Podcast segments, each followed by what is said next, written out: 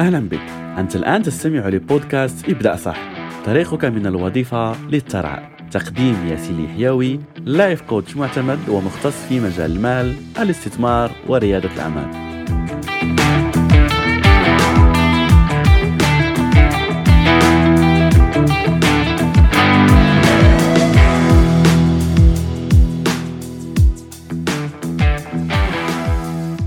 السلام عليكم ورحمة الله وبركاته. مرحبا بك من جديد في الحلقة الثالثة من برنامج الوفرة الذي نقدمه في شهر رمضان من بودكاست ابدأ صح. فتوقفنا في الحلقات السابقة على أن الوفرة تبدأ من الداخل وقلنا على أنه آه، التصرفات التي تقوم بها تعكس طريقة تفكيرك وتعكس يعني كذلك القناعات اللي عندك. فاليوم خلينا نتكلم شوية أكثر عن التصرفات ولا السلوكيات التي تجعل الفقير يبقى فقير وتجعل الغني يزداد غنى.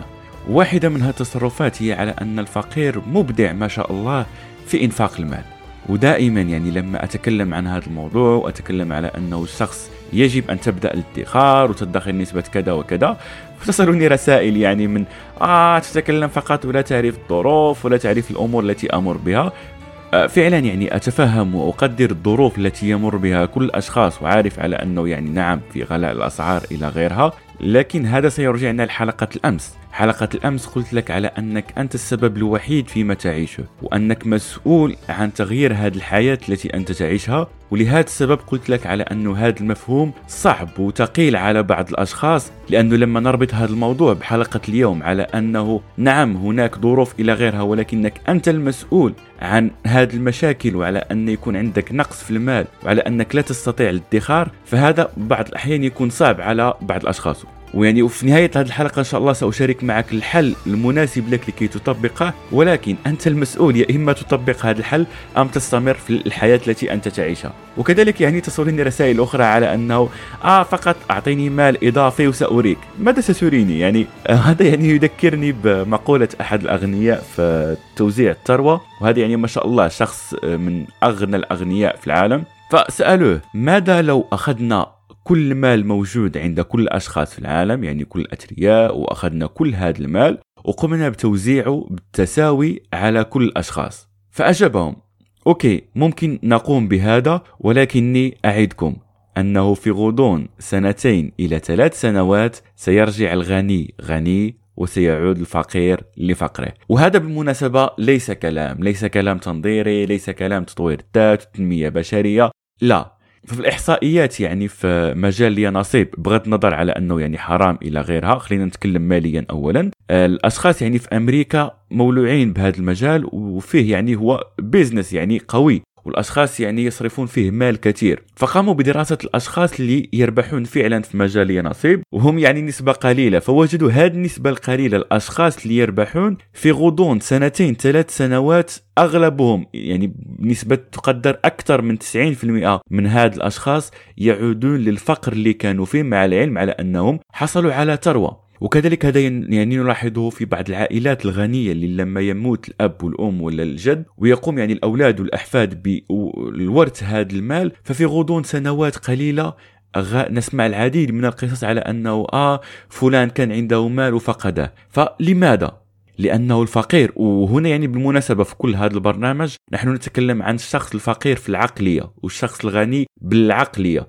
okay؟ ولا نتكلم يعني عن موضوع الحساب البنكي لأنه هذا يأتي بعد أن تكون غني في عقليتك.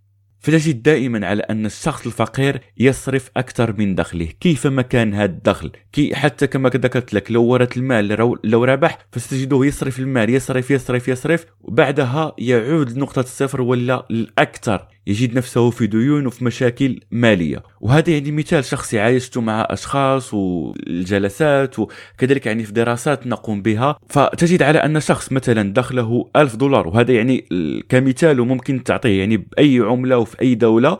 في هذا المثال مثلا 1000 دولار تجد يصرف منها مثلا 400 دولار على السكن و 600 دولار الباقية على الأكل الشرب الخروجات إلى غيرها. فهذا الشخص تجد مع مرور الزمن ممكن يتطور في عمله يحصل ممكن على شهادات يترقى يحصل على عمل جديد. فيصير هذا الدخل من 1000 دولار ينتقل ل 1500 دولار مثلا.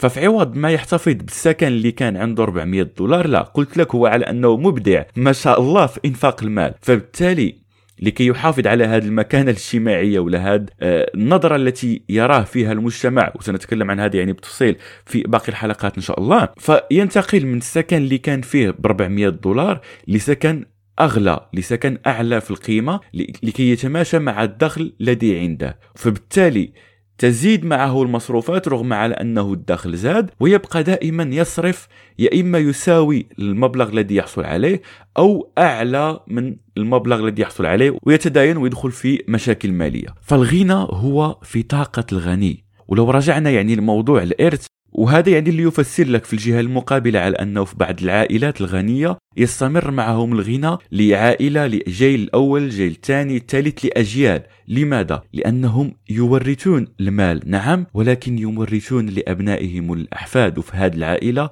طاقة المال والفكر وكيف يقومون بتسيير هذا المال لكي يكبروه أكثر وأكثر وأكثر.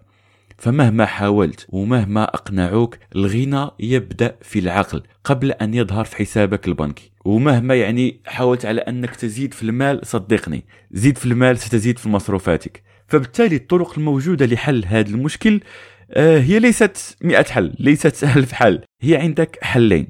الحل الأول وتكلمت عنه يعني في حلقات سابقة وسنفصل فيه كثير إن شاء الله هو على أنك تزيد من دخلك. عندك دخل لا يكفيك يجب أن تزيد من هذا الدخل.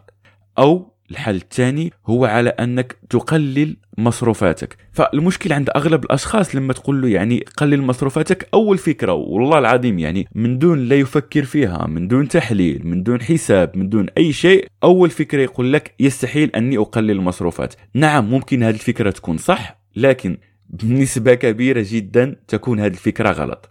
والحل الثاني لما تقول له آه يجب أن تزيد من دخلك يقول لك آه كيف أزيد من دخلي وفي وطني ليس لي أعمال ولا يمكن؟ فدائما يجد لك حجج ودائما يجد لك أعذار ويبقى في مكانه. تذكر في أول حلقة قلت لك على أني سأعطيك الحل وأنت مسؤول عن القيام به. فخلينا يعني في نهاية هذه الحلقة نأخذ تمرين لكي تكون مسؤول فعلا عن تطبيقه وخاص بهذه الحلين التي شاركت معك في هذه الحلقة. فأولا اكتب المصروفات التي تقوم بصرفها شهريا وسأطلب منك أن تكون صادق مع نفسك لأن الآن أنا لست معك يعني لكي أقول لك على أنه يجب أن تقلل من هذا ولا هذا فلا. يجب أن تقوم بهذا الأمر بنفسك. فلما تكتب المصروفات عندي مثلا السكن عندي المأكل اللباس كذا كذا كذا. اكتب كل هذه الأمور واسأل نفسك هذا السؤال. ما هي الخانة اللي ممكن أقلل فيها المصروفات؟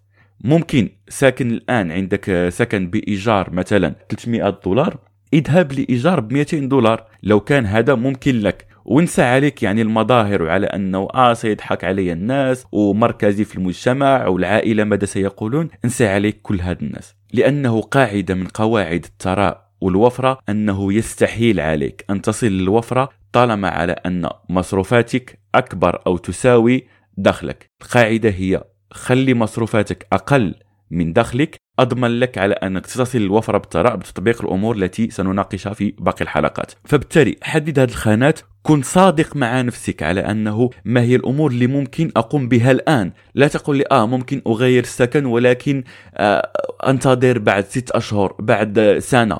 لا. شوف الأمور اللي ممكن تبدأ بها بداية الشهر القادم ولا في هذه اللحظة وخذ هذا القرار على أني سأقلل هذه المصروفات. ممكن الخروجات ممكن اللبس ممكن الأكل. خذ لك يعني مصروفات أقل. والسؤال الثاني هو اسأل نفسك كيف ممكن أزيد من دخلي. وكما قلت لك يوم أمس خلي عقلك يجيب بدون أحكام بدون تفكير سيعطيك أفكار اكتبها عندك وسنكمل مناقشتها في باقي الحلقات إن شاء الله. قم بهذه التمارين شارك الحلقة ولا تنسى ابدأ صح تنجح صح وأراك غدا إن شاء الله.